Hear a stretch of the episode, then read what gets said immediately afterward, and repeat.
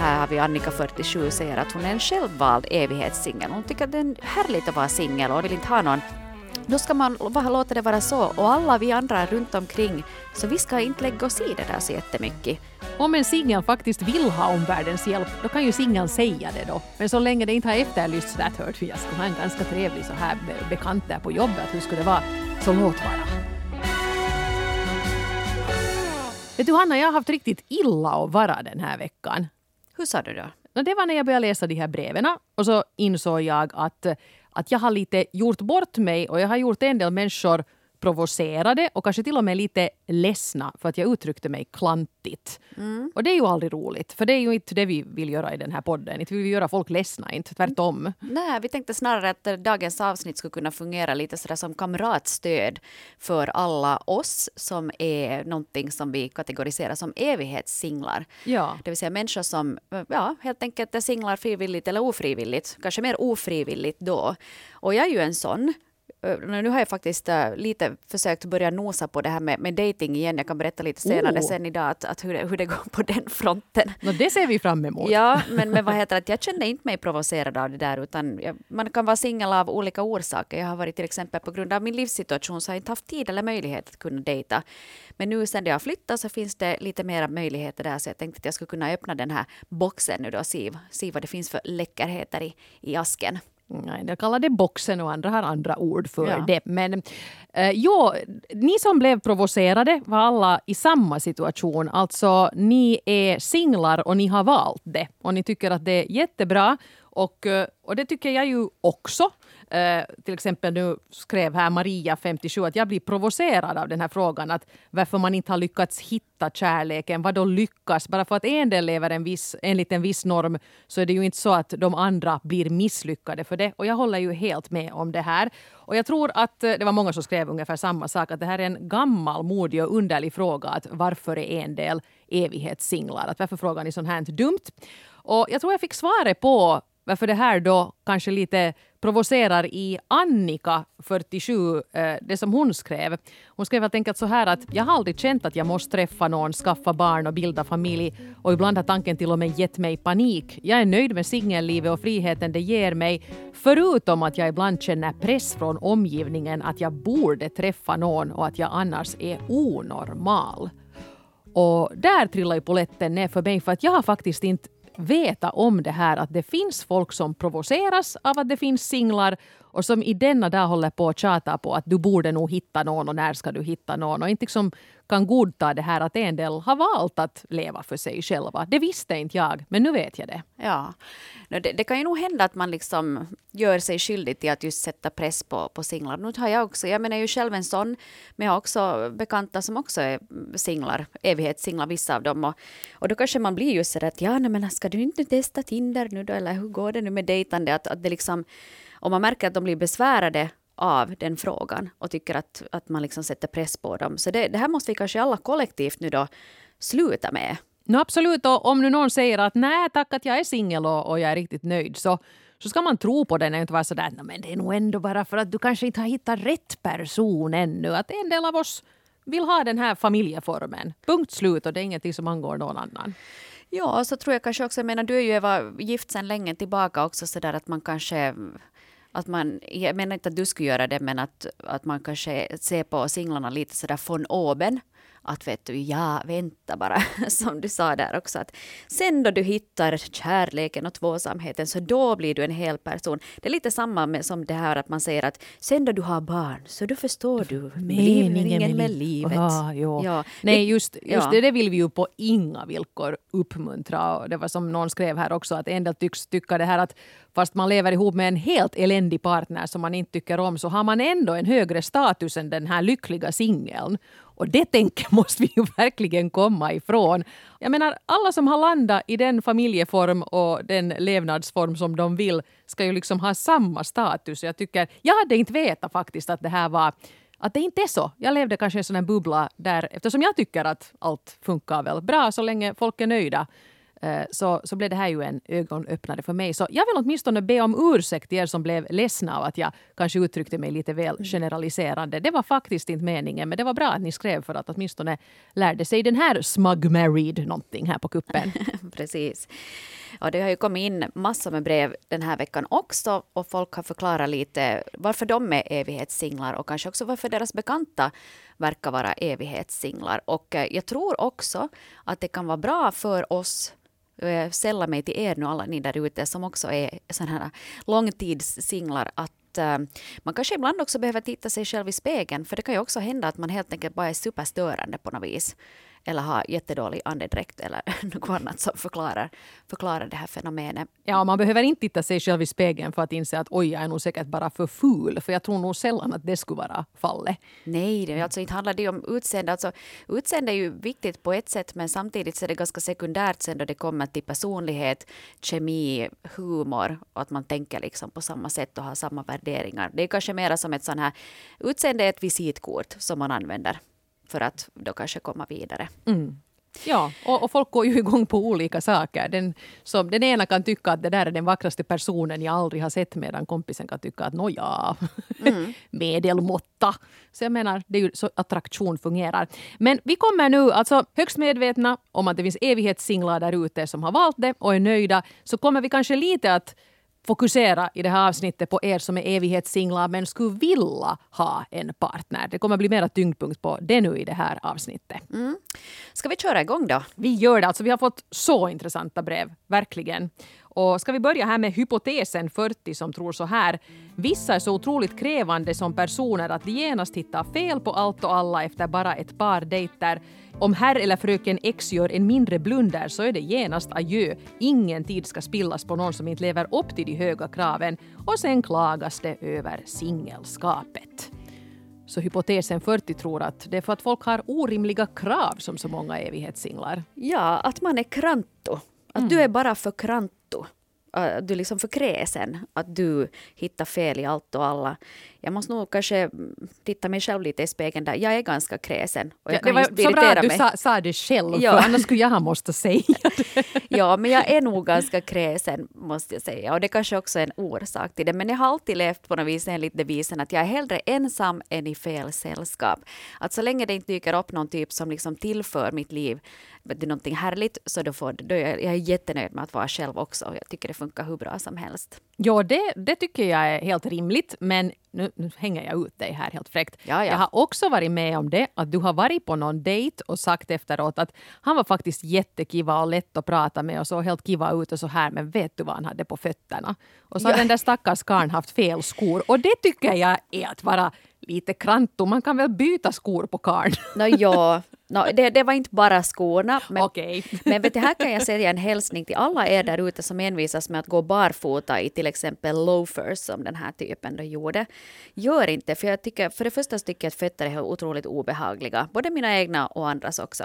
Så, så tycker jag att det är otroligt ohygieniskt att, att gå omkring sådär. Så ja, om du vill dejta mig så sätt på dig ett par snygga sneakers istället. Mm, okay. Hälsningar bara till alla singel singelpappor här i, i Vasatrakten. Kanske du borde skriva det där i din Tinder-profil. ja. Är du en man i snygga sneakers? Med strumpor. Med strumpor. Ja. ja. Sökes. Sökes. Man med strumpor. Ja, ja. okej. Okay. ja, nej men jag, jag tror helt säkert att det här med att folk blir lite kräsna kan ha någonting med saken att göra. Jag tycker här till exempel, det här med att, men, men men samtidigt så ska man ju nog få ha lite krav på en potentiell partner. Jag tycker att Disharmony hade en bra poäng där. Jag har någonting av ett dilemma eftersom att jag å ena sidan är trött på att sitta lågt och dejta personer som egentligen skulle behöva en psykolog eller läkare snarare än en pojkvän. Å andra sidan så har jag blivit lärd av livet att inte ha för höga krav, att jag inte är så attraktiv att jag ska förvänta mig för mycket och så vidare. Inte är det väl ett för högt krav att inte vilja dejta en martyr som bara vill vältra sig i sin misär och sina känslomässiga problem och väntar på att bli rädd räddad av en pojkvän. Som jag förstår det här rätt är då alltså Disharmony en man som tycks hova in kvinnor som sen vill se honom som någon sorts riddare och gratispsykolog mm. snarare än en partner. Och det där är ju knepigt för att det är ju klart att ska man ha en relation med någon så ska ju allt det här emotionella bagaget också rymmas med. Men jag förstår mycket väl disharmony här som, som inte orkar med det här att, att man går på en, en dejt och så är det bara gnäll om hur svårt den här andra har haft. Nej. Och, det kan ju hända, disharmony, att du och jag är lite liknande som personer. Att vi, vi är sådana som kanske då drar till oss de här typerna som behöver bli lite räddade. Och jag kan själv också vara så här att jag, att jag frågar ut en person om det mesta för att jag tycker det är intressant att höra. Men då kan det ju bli också att man blir lite av en sån här kökspsykolog för den personen. Att där tänker jag så rent konkret att kanske vet du, ställer jag vissa frågorna men, men vad heter det, man kanske inte på dejten behöver fråga vad är det svåraste du har varit med om. så här, att När kan, nådde du botten? Nej, nej, berätta om Vi ditt eget botten. där. och sen kanske också vet du, att om nu, du är kvinna som har varit på en dejt med Disharmony och känner dig träffad att shit, det var ju jag som vet du började satt i två timmar och, och klaga över mitt ex så kanske man också där behöver lite se sig i spegeln. Att, att vad är, hur, hur ser ens game ut? Att man fast väljer ut några eh, ämnen som man tycker om att, att tala om. Det här har ju stått eh, sen jag var typ 13 och läste Frida. Att ah, vara förberedd på några samtalsämnen. Om, nej, man ska inte gå in på alla de djupaste haven kanske på de första dejterna. Men man kan ju kanske du, kuita det på det sättet att ja, no, inte har det nu varit så lätt för mig heller. Att jag har nu varit med om det ena och det andra. Men att vi behöver inte gå in på det nu. Kanske att, inte på första dejten. Nej, mm. att det där mm. kanske man kan lite sådär att man kanske försöker hålla det lite på den lighta sidan. Och sen också ett tips för att jag hade också en, en singelkompis som var väldigt mycket på dates och äh, hen blev väldigt liksom dränerad av det här dejtande eftersom hen gick väldigt uh, djupt personligt in i den andra personen och också in i, i sig själv. Och det sa jag också att kanske det skulle vara bättre att, att inte med de här första dejterna gå igenom hela livshistorien och att man behöver inte gå igenom precis allting och inte heller engagera dig så mycket i den andra. Att kanske man, att man gör det lite sådär som då du ska börja länka. Att först liksom du springer 100 meter och så går du 100 meter. Att också med Jämför, dejtingen, att ni kan prata om vad ni har, jämför dem på en dejt att ni börjar med att prata lite om en bra tv-serie ni har sett. Ja. Och sen trappar man upp det till det här mer personliga och privata. Ja, sen på tredje månaden då ska alla skelett fram ur garderoben. Nej men det är en poäng i det där och du brukar alltid citera din husgud Dr. Phil och min, min husgud är RuPaul som ju alltid säger att om du inte kan älska dig själv så kan du inte älska någon annan heller. Och det kan ju hända att vår brevskrivare här, Disharmony, har råkat ut för kvinnor som helt enkelt har haft så mycket på gång ännu i sig själva att de faktiskt kanske först skulle måste gå till den där psykologen och få klarhet i sig innan de ens är redo att öppna upp för någon annan. Så det kan ju hända att det beror på det. Ja. Men några av er anser att allting är apparnas fel. Alltså de här datingapparna, Tinder och Bumble och vad det finns. Till exempel Euroshopper41 som skrev så här.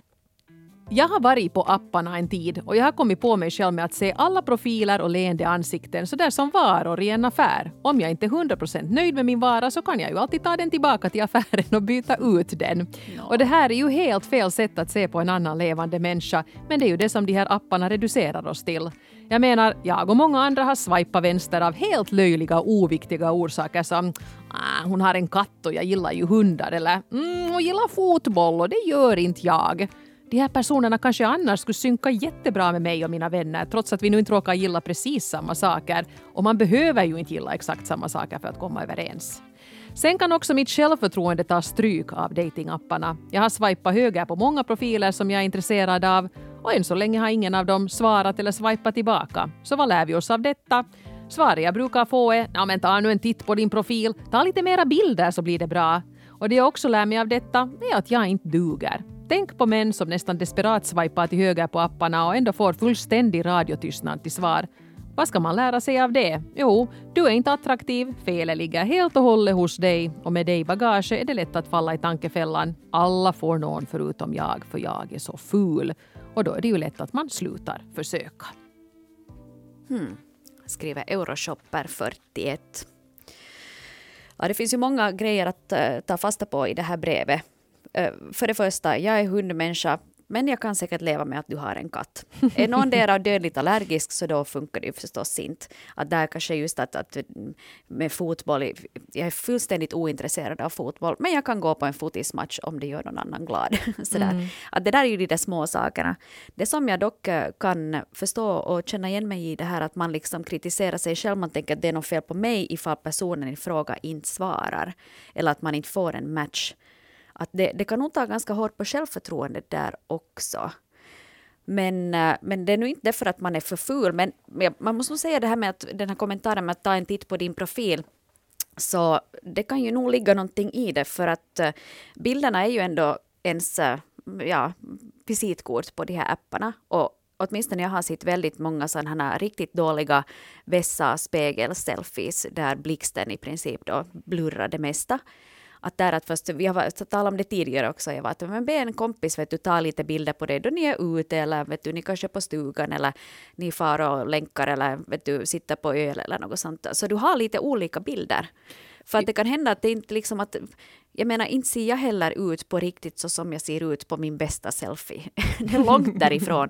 Vet du, att man, har, man är snyggt sminkad, håret lagat och det är ur en fördelaktig vinkel. Så det är nog helt annat än hur jag ser ut på, på söndag morgon, vet du, då man kravlar sig upp ur sängen. Ja, men det är ju inte då man tar sin Tinder-bild. Eh, men, ja, men jag tycker faktiskt också det ligger någonting i det där. Man ska ju inte förstås på något sätt retuschera eller förvränga verkligheten. Det är ju inte det som det är frågan om. Men kanske just be en kompis att titta på den där profilen. Eller fast be en kompis fru titta på profilen. Ja. Att, vad skulle du som kvinna säga? Att, vad, vad känner du att, att var det där lite roligt? Var det där lite charmigt? Tycker du det här motsvarar den jag är?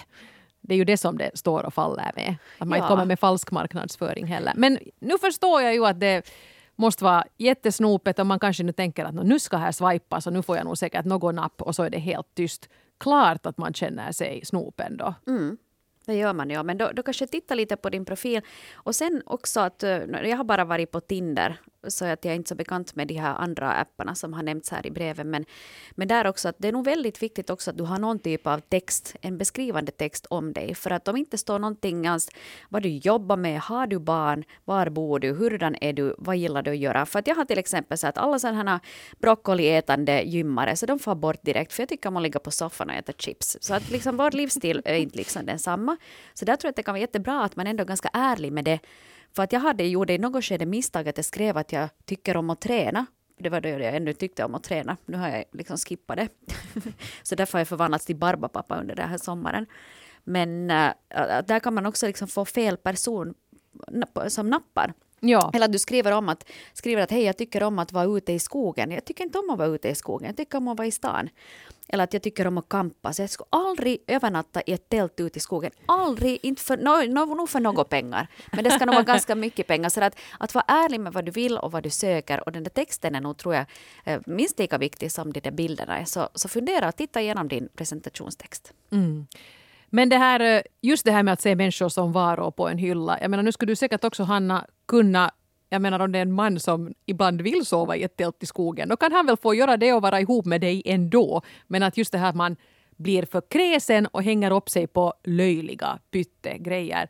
Det förstår jag att blir ett problem på de här apparna. Jag tycker här signaturen Vänsterswipe 43 hade en bra poäng också. De här datingapparna fungerar bra för det de är gjorda för. Alltså inte för att singlar ska dyka upp, hitta en match och leva lyckliga i alla sina dagar. För om det skulle vara så så skulle ju inte de här apparna sälja sina månads eller till och med livslånga avtal. Hmm. Och det är ju värt att tänka på. Om alla skulle hitta kärleken direkt via Tinder så skulle ju inte Tinder finnas speciellt länge.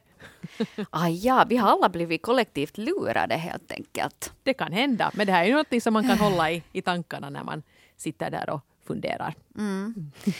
um, vi ska också kunna ta ett brev här som har kommit in från signaturen Barndomsvän 55 som har en vän som är singel och uh, den här brevskrivaren Eh, tror sig veta vad det beror på.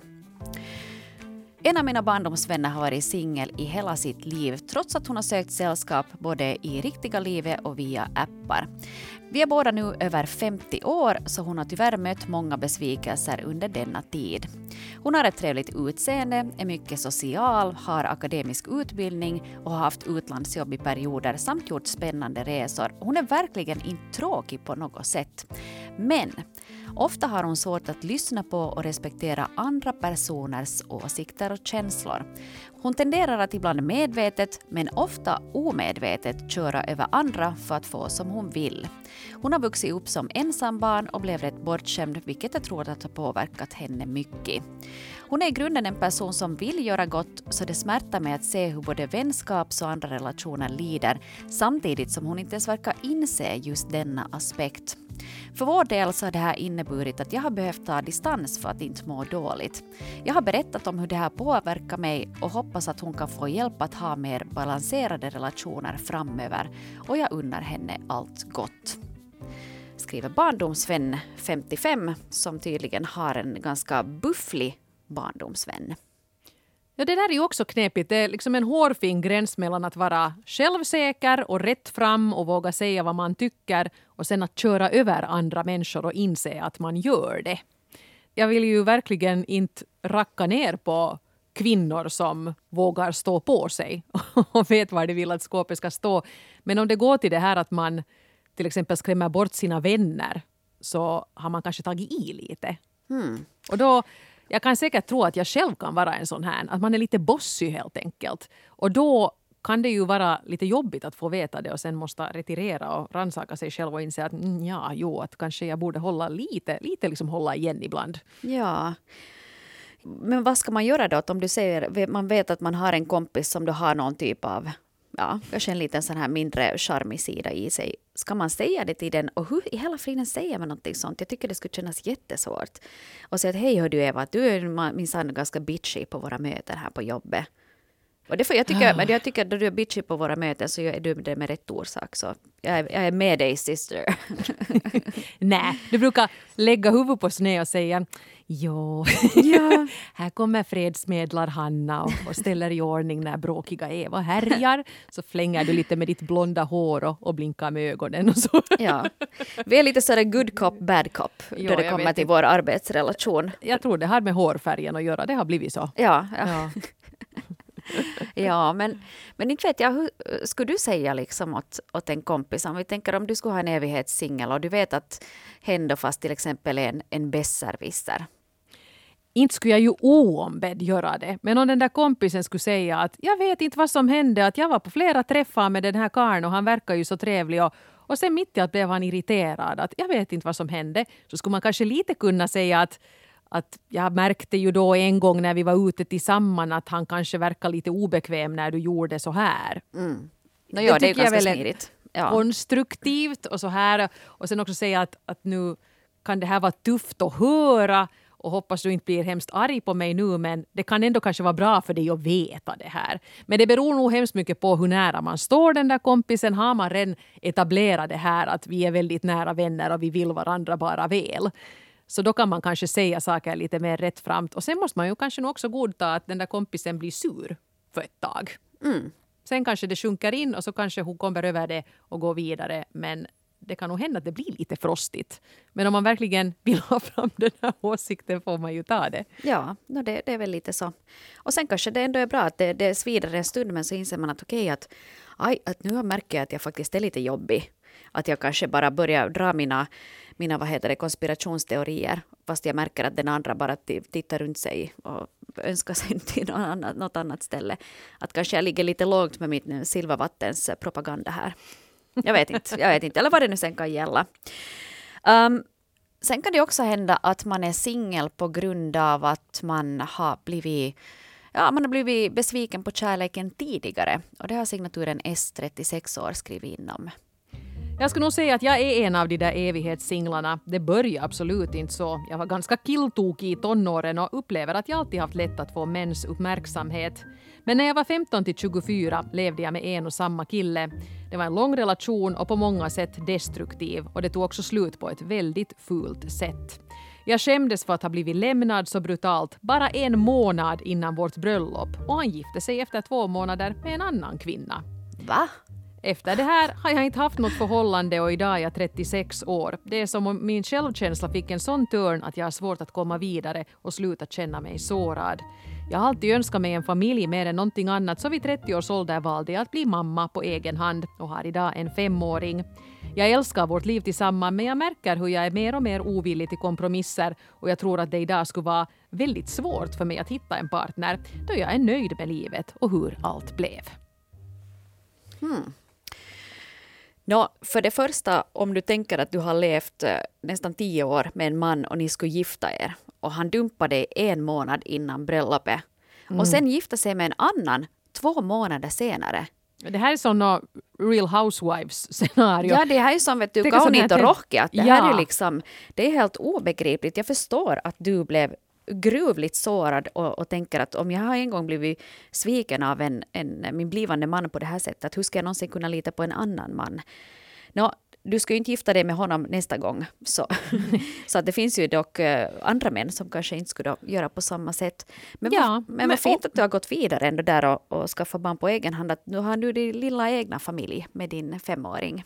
Jag tycker det är ändå fint att ja, du blev sårad. Ja, det gjorde det svårt för dig att kanske knyta an till några nya relationer. Men det, du har ju inte låtit det stoppa dig och dina drömmar. Utan du har, du har fått ett barn och ni är nöjda med hur ni har det idag. Och då är det ju alldeles utmärkt. Om du i något skede sen börjar tycka att, att kanske det skulle vara kul att ha en partner trots allt, så då får du väl börja testa. Men åtminstone har du ju inte skippa någonting på grund av det här som hände. Och vet du vad det betyder? Det betyder att du vann och han förlorade. Yes, så, så vi, vi kör på det. Jag tycker att det är bra.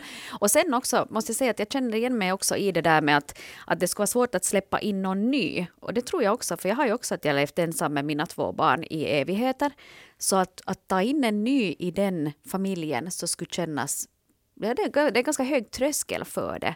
Mm. Så att, um, att jag, jag, jag, är med dig där. Men, men allt har sin tid. Kanske dagen kommer ännu. Mitt i allt så hittar man då någon härlig pappa där på dagisgården och så mitt i allt märker man att hej, det här var ju helt, helt bäst. Jag tänkte säga här att det är någon som mitt i allt kommer och charmar sockorna av dig men håller sockorna på själv. Så då, då, det är det vi strävar efter här nu då. Yes. Men det här med att bli bränd, det tangerar också Mats i sitt brev och han skriver Jag kan bli stört kär på första dejten men sen får jag kalla fötter och väljer att dra mig undan några dejter senare.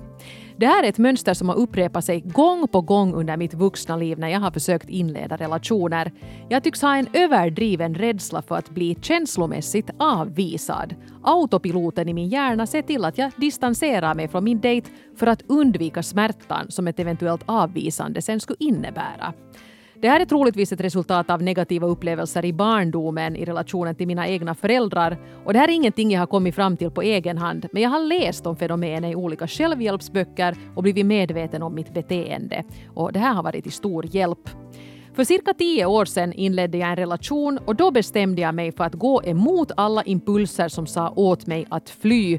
Samtidigt spelade jag med öppna kort och berättade om mina rädslor och negativa tankar för min nya partner.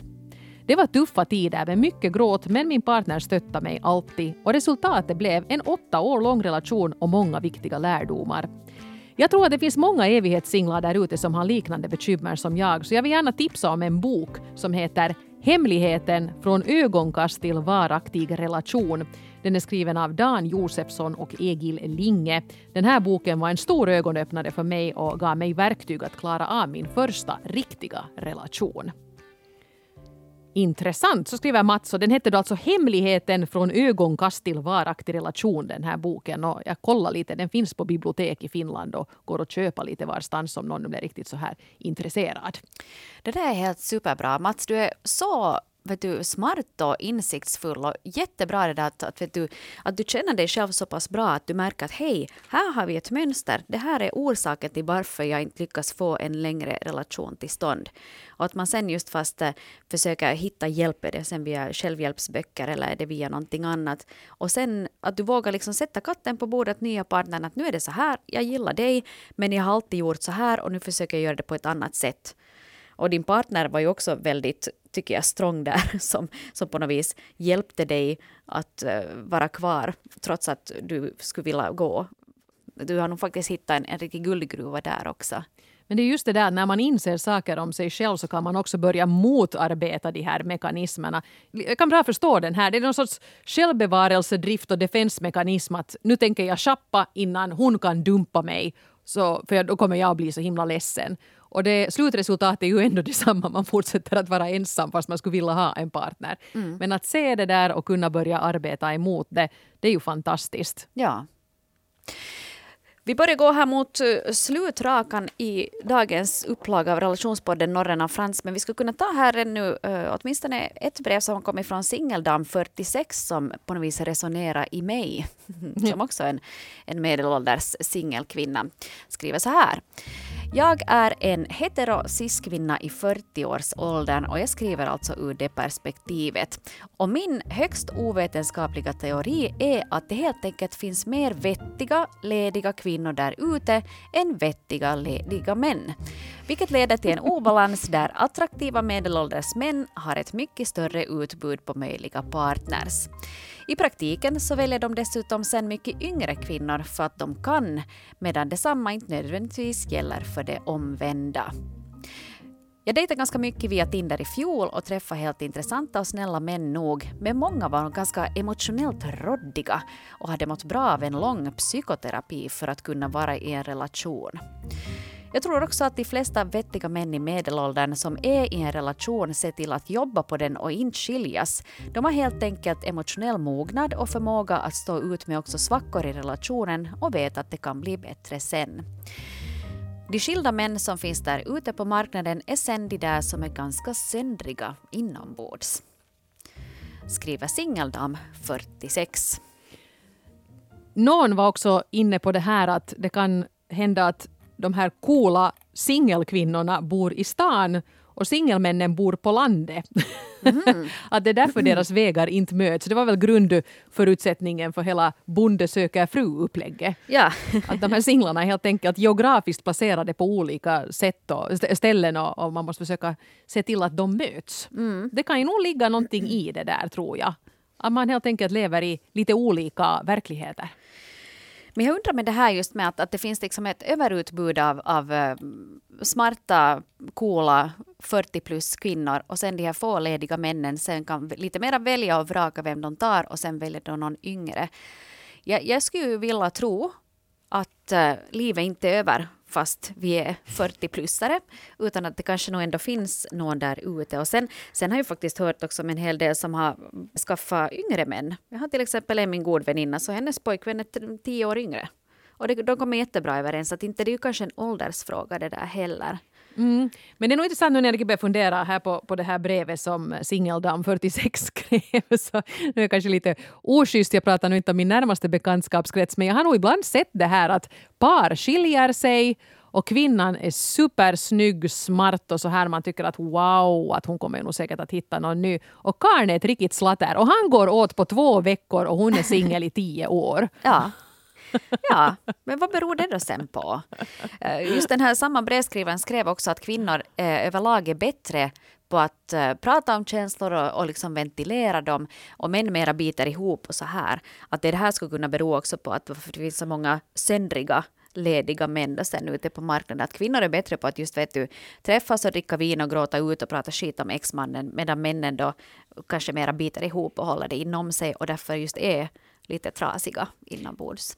Och nu när du säger det så är en intressant grej med de här som blev provocerade av veckans frågeställning som jag nämnde där i början. De här nöjda singlarna, de var alla kvinnor. Mm. De här nöjda singelmännen hörde inte av sig. Jag vet ju att ni säkert finns där ute också.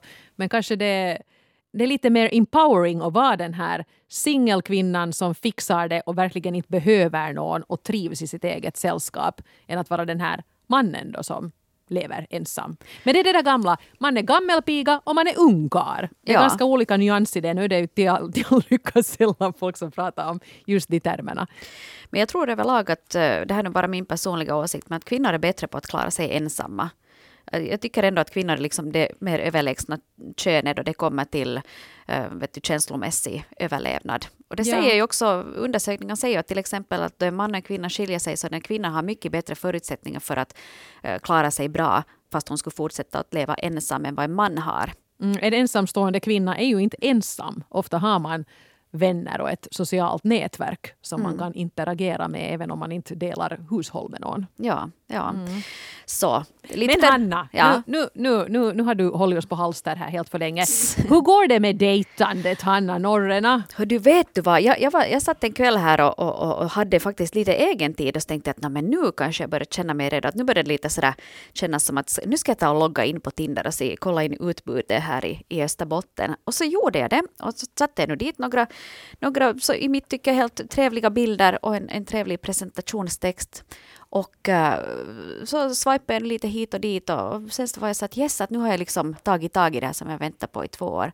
Så gick jag och la mig och sen nästa morgon tänkte jag att nu, nu ska jag ta och se vad vi har här fått i katiskan, i Tinder-katiskan, eller vad som har fastnat i näten under natten. Och sen har Tinder har bannat mig. Va? Banna dig? Jag blev bannad. Det är så att du är bannad, du kommer aldrig mer att få göra ett konto på Tinder. Varför Och jag, det? vet, jag vet inte vad jag har gjort, för jag menar det var ju helt bara vanliga selfies som jag, Jag hade satt dit. vad var det för bilder du Jag hade satt satt dit, vet du, jag skulle förstått Nej. om jag skulle stått och vifta vet du, med någon naziflagga eller något sånt här, eller vet du, visa rumpan eller något, men det var ju helt oskyldiga, vet du, typ en bild av mig i en Finlands hockeytröja. Vet du, såna helt, helt Ja. vanliga bilder. Men nu är jag alltså bannad från Tinder, så nu, jag kommer ju säkert nu då att dö ensam där på Glasberget, eller sen kanske jag helt enkelt får börja ragga på skolgården, för eller jag inte vet Alltså jag in, vad inte bland barnen. Inte bland barnen. Nej, inte bland barnen, inte. Herregud, de går ju på lågstadiet. men- Ja, det är bra. Jag tänkte när du sa att det är ju bra att ha en yngre partner, men inte så ung. Inte, inte så ung. Nej, men jag var och tittade idag just var före min pojke till hans första skoldag på lågstadiet då, och så Ja. tittade jag att där finns ju ganska många liksom män i min egen ålder. Att månne inte nu någon av de här är singlar och skulle tycka att det skulle vara helt kiva att vet du, ta ett glas med norrena. Men ni kan ju gå omkring och fråga att hej, är du singel? Så jag vet inte hur ska jag göra nu då det här att nu äntligen har jag blivit liksom lite sugen och sen så är det så att Tinder vill inte ha min ass. Nej men strunt i Tinder. Men jag undrar vad det här kan bero på. Har någon annan varit med om samma så får ni ju gärna skriva till relationspodden at yle.fi eller i Facebookgruppen relationspodden Norrena och Frans och förklara vad det här kan tänkas bero på. Men eh, sen finns det ju nog också andra sådana här appar. Kanske det skulle vara dags för dig nu. Jag vet att du inte, nu ska vi se det här lite vackert. Eh, teknik är kanske inte ditt esse. Eller eh, inte, inte ditt, eh, ja, det, det, det du är bäst på här Nej. i livet. Så att lära sig en ny app är alltid lite... Det, det är svårt. Det, är svårt. Jag har ju ännu till och med en hotmail-adress. Det, här, det förklarar någonting om min, min, mina tekniska kunskaper. Det var så jobbigt när Explorer la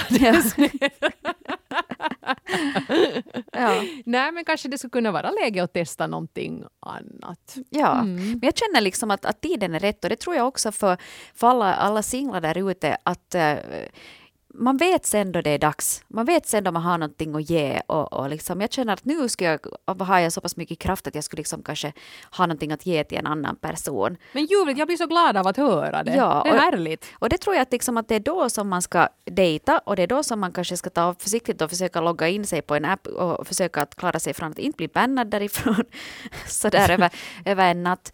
Och, och sen att, att det inte känns så att du inte vill dejta någon och att du kanske är som här har vi Annika 47 säger att hon är en självvald evighetssingel. Hon tycker att det är härligt att vara singel och det är en frihet och att det är mycket bra att hon vill inte ha någon då ska man låta det vara så. Och alla vi andra runt omkring singlarna, så vi ska inte lägga oss i det där så jättemycket. För att det ska komma från glädje och kanske någon typ av längtan istället för av tvång av omvärlden.